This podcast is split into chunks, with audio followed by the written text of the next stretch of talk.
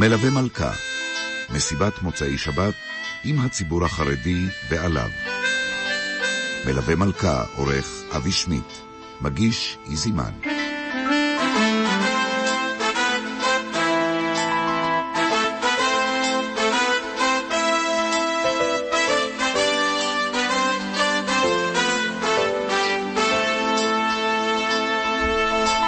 שתיים ושלוש דקות, שעה שלישית, לפני השיחה עם הרב ישראל ונדרוביץ', השיחה על המחשבה היהודית שפותחת, כמו תמיד, את השעה השלישית שלנו. נזכיר שבפרק ההרחבות, אחר כך, נשמע את דבריו של דוקטור מיכאל אבולעפיה, שידבר על פסיכולוגיה יהודית ואינטליגנציה רגשית, וגם את דודי אדלר על ההילינג היהודי.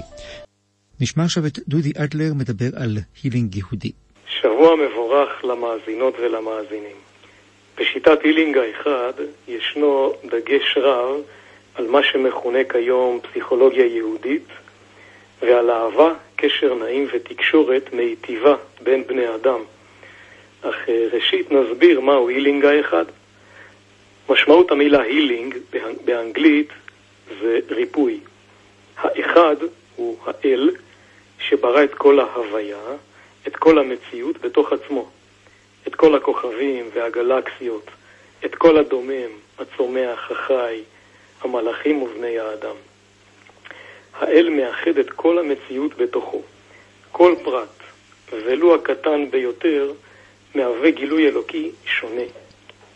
המים, לדוגמה, אינם נפרדים ממנו יתברך, אלא הם ממש אלוקות המתבטאת בצורה של מים.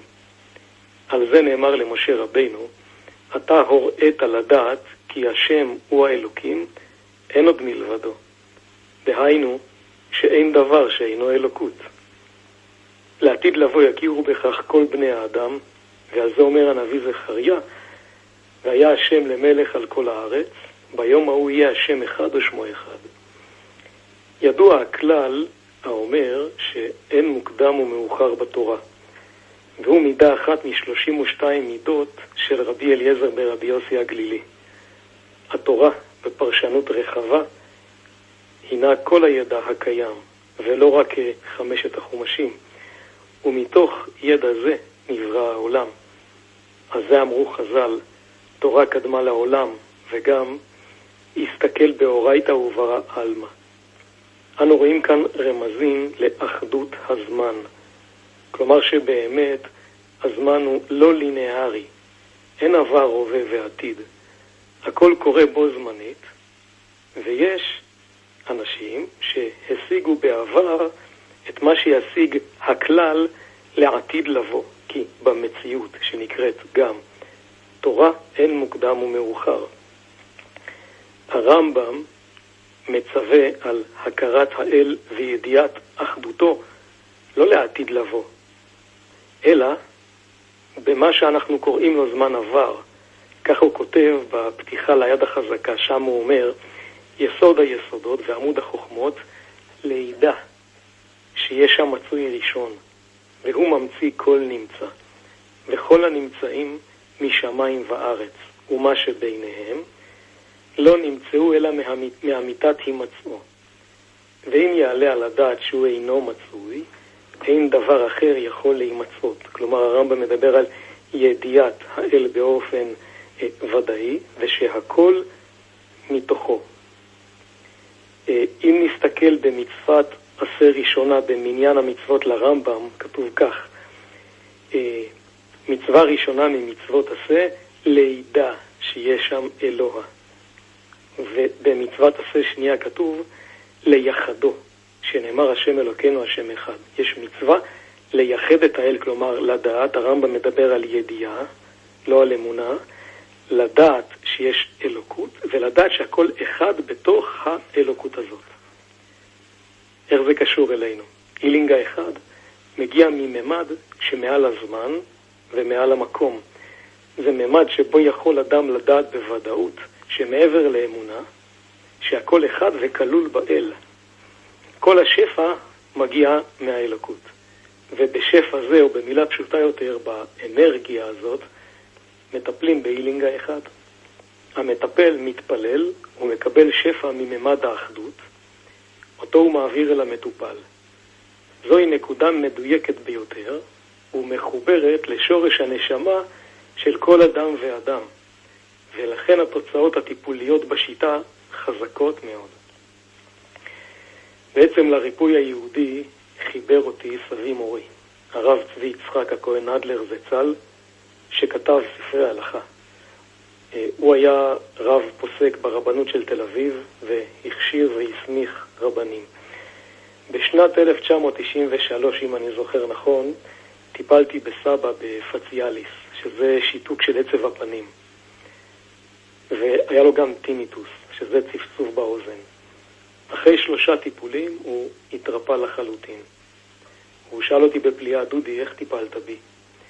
סיפרתי לו על רפואה הודית ורפואה סינית, שאלה תחומים שבהם עסקתי.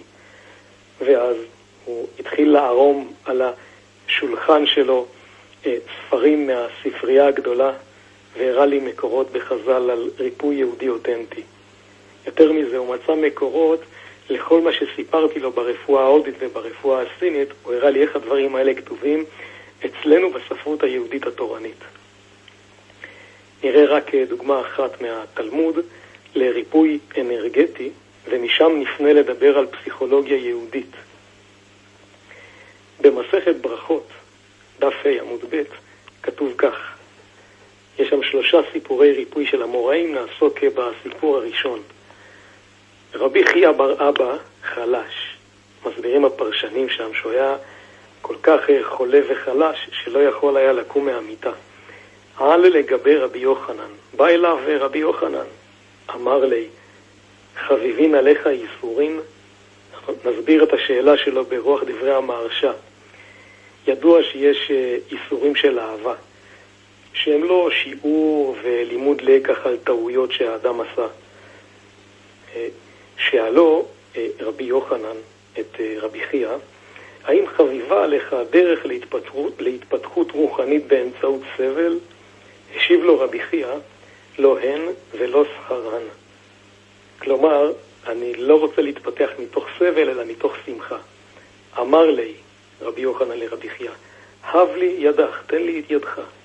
אומרת הגמרא, יהב לידי ואוקמה. כלומר, נתן לו יד, ובאותו מגע יד כליל הקימו מיד מחוליו. זה ריפוי אנרגטי במגע יד. לא נסביר עכשיו כיצד ריפא רבי יוחנן. את זה אני מלמד במסגרת לימודי הילינג האחד, שבעצם על שחזור שיטות הריפוי הרוחניות של חז"ל אני שוקד שנים רבות. נפנה כעת להסביר מעט על פסיכולוגיה יהודית.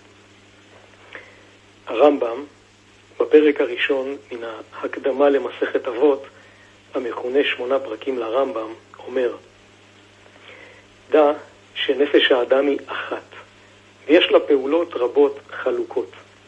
הרמב"ם מדגיש שם שלנפש אין חלקים שונים כמו שטעו אנשים מסוימים שאותם מסביר, מסביר ומזכיר הרמב"ם. הנפש היא דבר אחד, ואתה יודע, ממשיך הרמב"ם, שתיקון המידות היא רפואת הנפש וכוחותיה. כלומר, שאם נתקן את הצד המוסרי והרגשי של האדם, נרפא את נפשו. עכשיו, הרמב"ם מסביר בהמשך כך, ומפני זה אומר שחלקי הנפש הם חמישה, כלומר כוחות הנפש, לא חלקים נפרדים.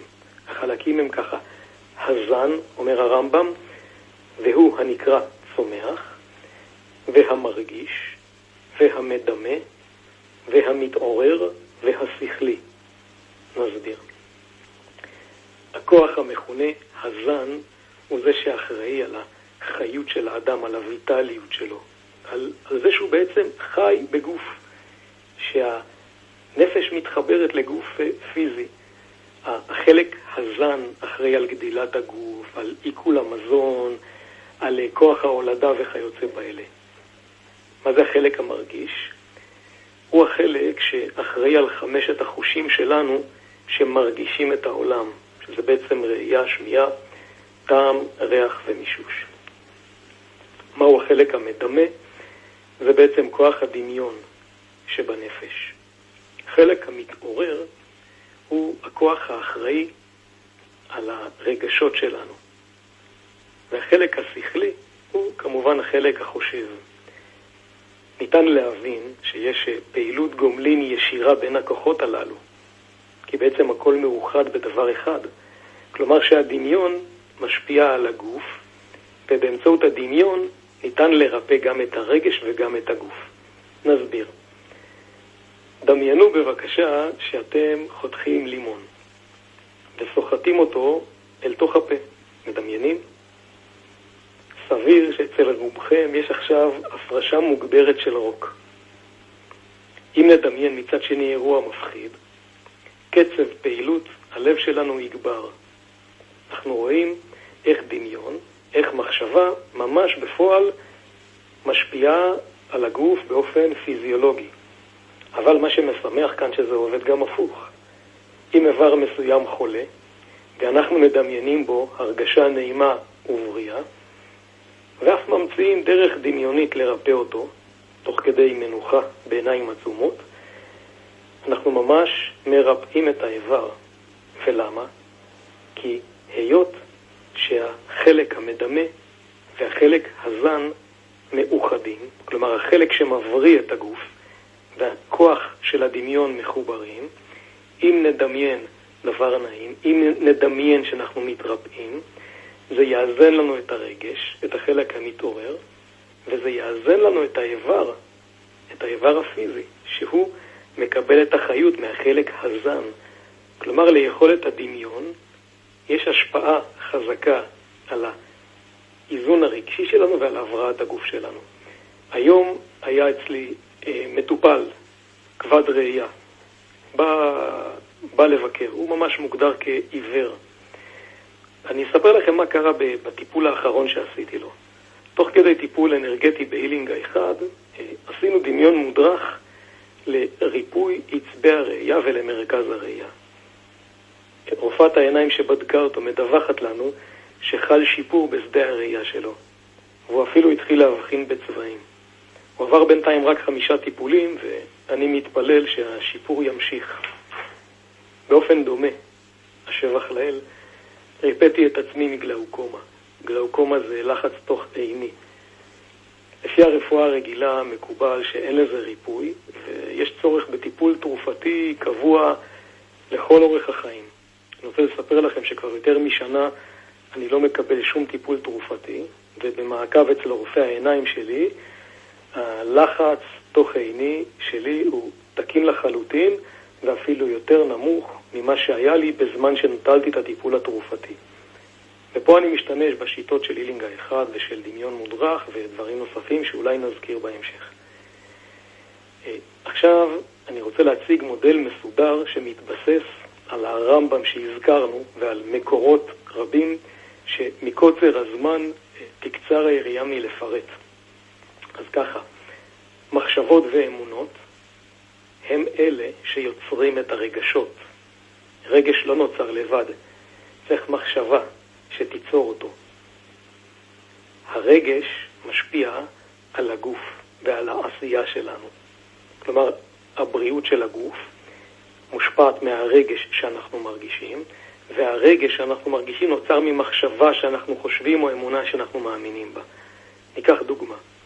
אם אה, קיבלתי איזה דבר שרציתי, מתי אני שמח? אם אני לא יודע שקיבלתי, אני לא יכול להיות שמח. רק כשיש לי את הידיעה, קיבלתי, רק המחשבה היא זאתי שמולידה את רגש השמחה. עכשיו, כשאני שמח, אני יכול אה, להשתמש בדבר שקיבלתי. כלומר, שמחשבה מולידה רגש, והרגש הוא המנוע לעשייה. עכשיו, איך זה עובד בפן הבריאותי? בואו נסביר רגע איך נוצר יתר לחץ דם. הספרות הרפואית מוצאת הסבר לחמישה אחוזים בלבד ממקרי אה, יתר לחץ דם. זה יכול להיות בעיות הורמונליות שקשורות לבלוטת יותר את הכליה, זה יכול להיות קשור להיצרות של כלי דם שנובעים, שההיצרות הזאת יכולה לנבוע מקולסטרול, מטריגליצרידים אה, ודברים דומים, או יש אנשים שאכילת עודף מלח מעלה אצלם את, את, את הלחץ דם. אבל שאר 95% מהאנשים, אין על זה הסבר ברפואה, זה נקרא אידיופתי. זה נקרא אה, מסיבה לא ידועה. ואנחנו אומרים ש-95% ממקרי לחץ דם נובעים בעצם ממתח. עכשיו, המתח הרגשי לא נוצר סתם, הוא נובע מאמונה שגויה. לדוגמה, אני לא ראוי, אני לא מספיק חכם ודברים כאלה. עכשיו, אם אני מחזיק באמונה לא, לא מיטיבה כזאת, אז אם אני אהיה בין בני אדם, אני אחוש במתח רגשי, כי אני לא מספיק חכם כמוהם, אני לא מספיק ראוי כמוהם, אני לא מספיק טוב כמוהם, אני לא מספיק יפה כמוהם, אני לא מספיק מוצלח כמוהם. אני במתח. עכשיו, המתח הרגשי יעלה אצלי את לחץ הדם באופן פיזי. עכשיו, איך עובד המנגנון הפיזיולוגי? מתח הוא מכווץ שרירים. עכשיו, הדפנות של כלי הדם שלנו עשויות משריר. כלומר, שאנשים שיש להם נטייה לכווץ כלי דם, מתח רגשי יגביר אצלם את הלחץ דם. כלומר ש-95% מהאנשים עם יתר לחץ דם זה אצלהם ממקור רגשי של מתח. עכשיו, במקביל לטיפול האנרגטי בקליניקה שלי, אני, אני עובד עם אנשים רבים שסובלים וסבלו מיתר לחץ דם. אנשים שתרגלו באופן קבוע את תרגילי הדמיון שלימדתי אותם, ולמדנו למצוא את המחשבות הנכונות והמיטיבות, כלומר שהרגש התאזן, את אותם אנשים שלחתי לרופא, הוא ראה שיש להם לחץ דם תקין, והרופא הורה להם להפסיק ליטול תרופות להורדת לחץ דם, או שהוא ממש הפחית להם את המינון התרופתי. כיצד אם כן עכשיו מתבצע הריפוי אה, בצד הרגשי? אה, אנחנו מוצאים עם המטופל את המחשבות והאמונות השגויות ומתקנים אותן. כפועל יוצא, יתאזן המצב הרגשי ואז יחלים הגוף. עכשיו אני רוצה להציג אה, מודל פסיכולוגי יהודי שמראה כיצד אנחנו אה, מתנהלים בעולם, איך אנחנו פועלים, מה מפעיל אותנו, איך הפסיכולוגיה שלנו עובדת. זה מודל שלקוח מהחסידות ושורשיה. נתאר עכשיו עשרה כוחות שמשפיעים על חידוד השכל, על איזון הרגש ועל אה, בריאות הגוף. הכוח הראשון שמפעיל אותנו הוא הרצון לעונג, לסיפוק. והאמונה ביכולת שלנו. אחרי שאנחנו רוצים סיפוק, אנחנו מתחילים לחפש מה יגרום לנו את הסיפוק הזה. פה בא לידי ביטוי הכוח השני. הכוח השני הוא כוח אינטואיטיבי, והאינטואיציה הזאת תכוון אותנו לעשייה שתיטיב איתנו. לדוגמה, מחשבה כמו, כדי לחוש סיפוק אני צריך ללמוד לרפא. אוקיי? עכשיו זה אינטואיציה, כי מה נלמד, אצל מי? עכשיו מגיע לידי ביטוי הכוח, השל... הכוח השלישי. זה כוח שמנתח ומבין את האינטואיציה ומגיע למסקנה. איך הוא מנתח? הוא שואל איפה אני אלמד לרפא, אני יכול כאן, אני יכול שם, אה, פה יותר זול, אבל זה רחוק. אה, על המורה הזה אה, קיבלתי המלצות. ואחרי מערכת שלמה של ניתוחים ושיקולים, נגיע למסקנה, אני אלמד שיטה כזאת וכזאת אצל מורה כזה וכזה. עכשיו נדבר על הכוח הרביעי שמפעיל אותנו, כוח הפסיכולוגי הרביעי. יש פסוק במשלי שאומר, מאור עיניים ישמח לב, ושמועה טובה תדשן עצם. על זה אומר המצודה דוד, כי אין בעולם שמחה כהתרת הספקות. ואכן, כשהגענו למסקנה היכן נלמד, כמו בדוגמה שאנחנו נותנים, באה שמחה ועולים רגשות נעימים שבהם אנחנו מתארים לעצמנו כמה טוב ונעים יהיה לנו אם נדע לטפל באופן כזה וכזה. כוח חמישי, בדרך כלל אחרי שאנחנו שמחים יעלו פחדים. לדוגמה, אולי המורה שבחרתי יתגלה כלא מתאים לי. אולי המאמץ שהתחייבתי אליו גדול עבורי. אולי לא אצליח לרפא בשיטה הזאת, וכיוצא באלה, ספקות ופחדים. לשמחתנו, המנגנון הפסיכולוגי הפנימי הוא כזה שיש את הכוח השישי, שמאחד את השמחה ואת הפחד, ומביא אותם אה, לאיזון שקט ונעים, שמאפשר לנו להמשיך בהוצאת הרצון שלנו מהכוח אל הפועל. עכשיו יבוא לידי ביטוי הכוח השביעי ברוח, שיספק לנו נחישות, החלטיות, לבצע את מה שאנחנו מאמינים שנכון לנו.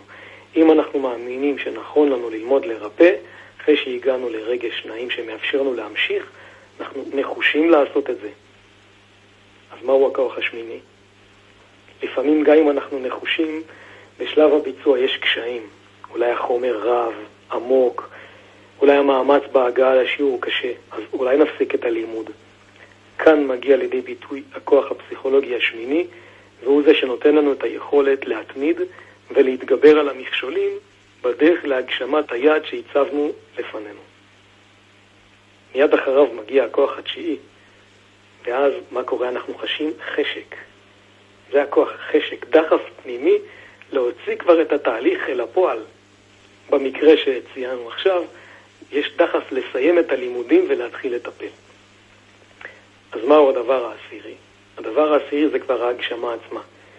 במקרה הזה סיימנו ללמוד ואנחנו יכולים להתחיל לטפל בשיטה שרצינו. אם נתבונן בעשרה כוחות אלה, אה, ניטיב לנתח כל פעולה שלנו. נכיר ברצונות הנשמה שלנו, נדע להיות מרוכזים, ממוקדים, מאוזנים רגשית, ונצליח להוציא אל הפועל את הכישרונות שלנו ואת התהליכים בהם אנחנו חפצים. עכשיו אני רוצה אה, לסיים בטיפ אה, לכם המאזינים. הטיפ הזה יכול להוביל אותנו לגילוי האור האלוקי האישי, לגילוי הכישרונות האישיים שלנו, ולמצוא את העיסוקים שיולידו אצלנו סיפוק והגשמה. אז מה עושים אם אנחנו לא יודעים מה הצעד הבא? אנחנו צריכים לשבת או לשכב בנוח, לעצום עיניים, ניתן לכל הגוף להיות רפוי ונינוח, נספור לאחור בלב מ-100 עד 1. זה מכניס למצב של אה, גלי אלפא, זה גלי מוח שקשורים לרוגע. ואז כשאנחנו רגועים נשאל את עצמנו, מה אני באמת אוהב לעשות? מה, איזה דבר ייצור אצלי סיפוק? איזו עשייה מגדירה אותי? באמת אותי, ולא את מה שמצפים ממני ההורים, החברה וכולי. ואז ניכנס לרוגע קשוב. בדרך כלל אחרי מספר תרגולים כאלה יתחילו לעלות רעיונות שישנו לנו את החיים למצב שבו נחווה יותר סיפוק ונועם. אני רוצה לסיים בברכה אה, לכולנו, לחידוד השכל, לאיזון הרגש, הגוף והגשמה עצמית בכל המישורים. יהי רצון שיתקיים בכל אחד ואחת מאיתנו דברי הנביא ירמיהו, כי כולם ידעו אותי למקטנם ועד גדולם, ודברי הנביא ישעיה, כי מלאה הארץ דעה את השם, כמים לים מכסים. שבוע מבורך. תודה לדודי אדלר על שיחתו על הנושא הילינג יהודי.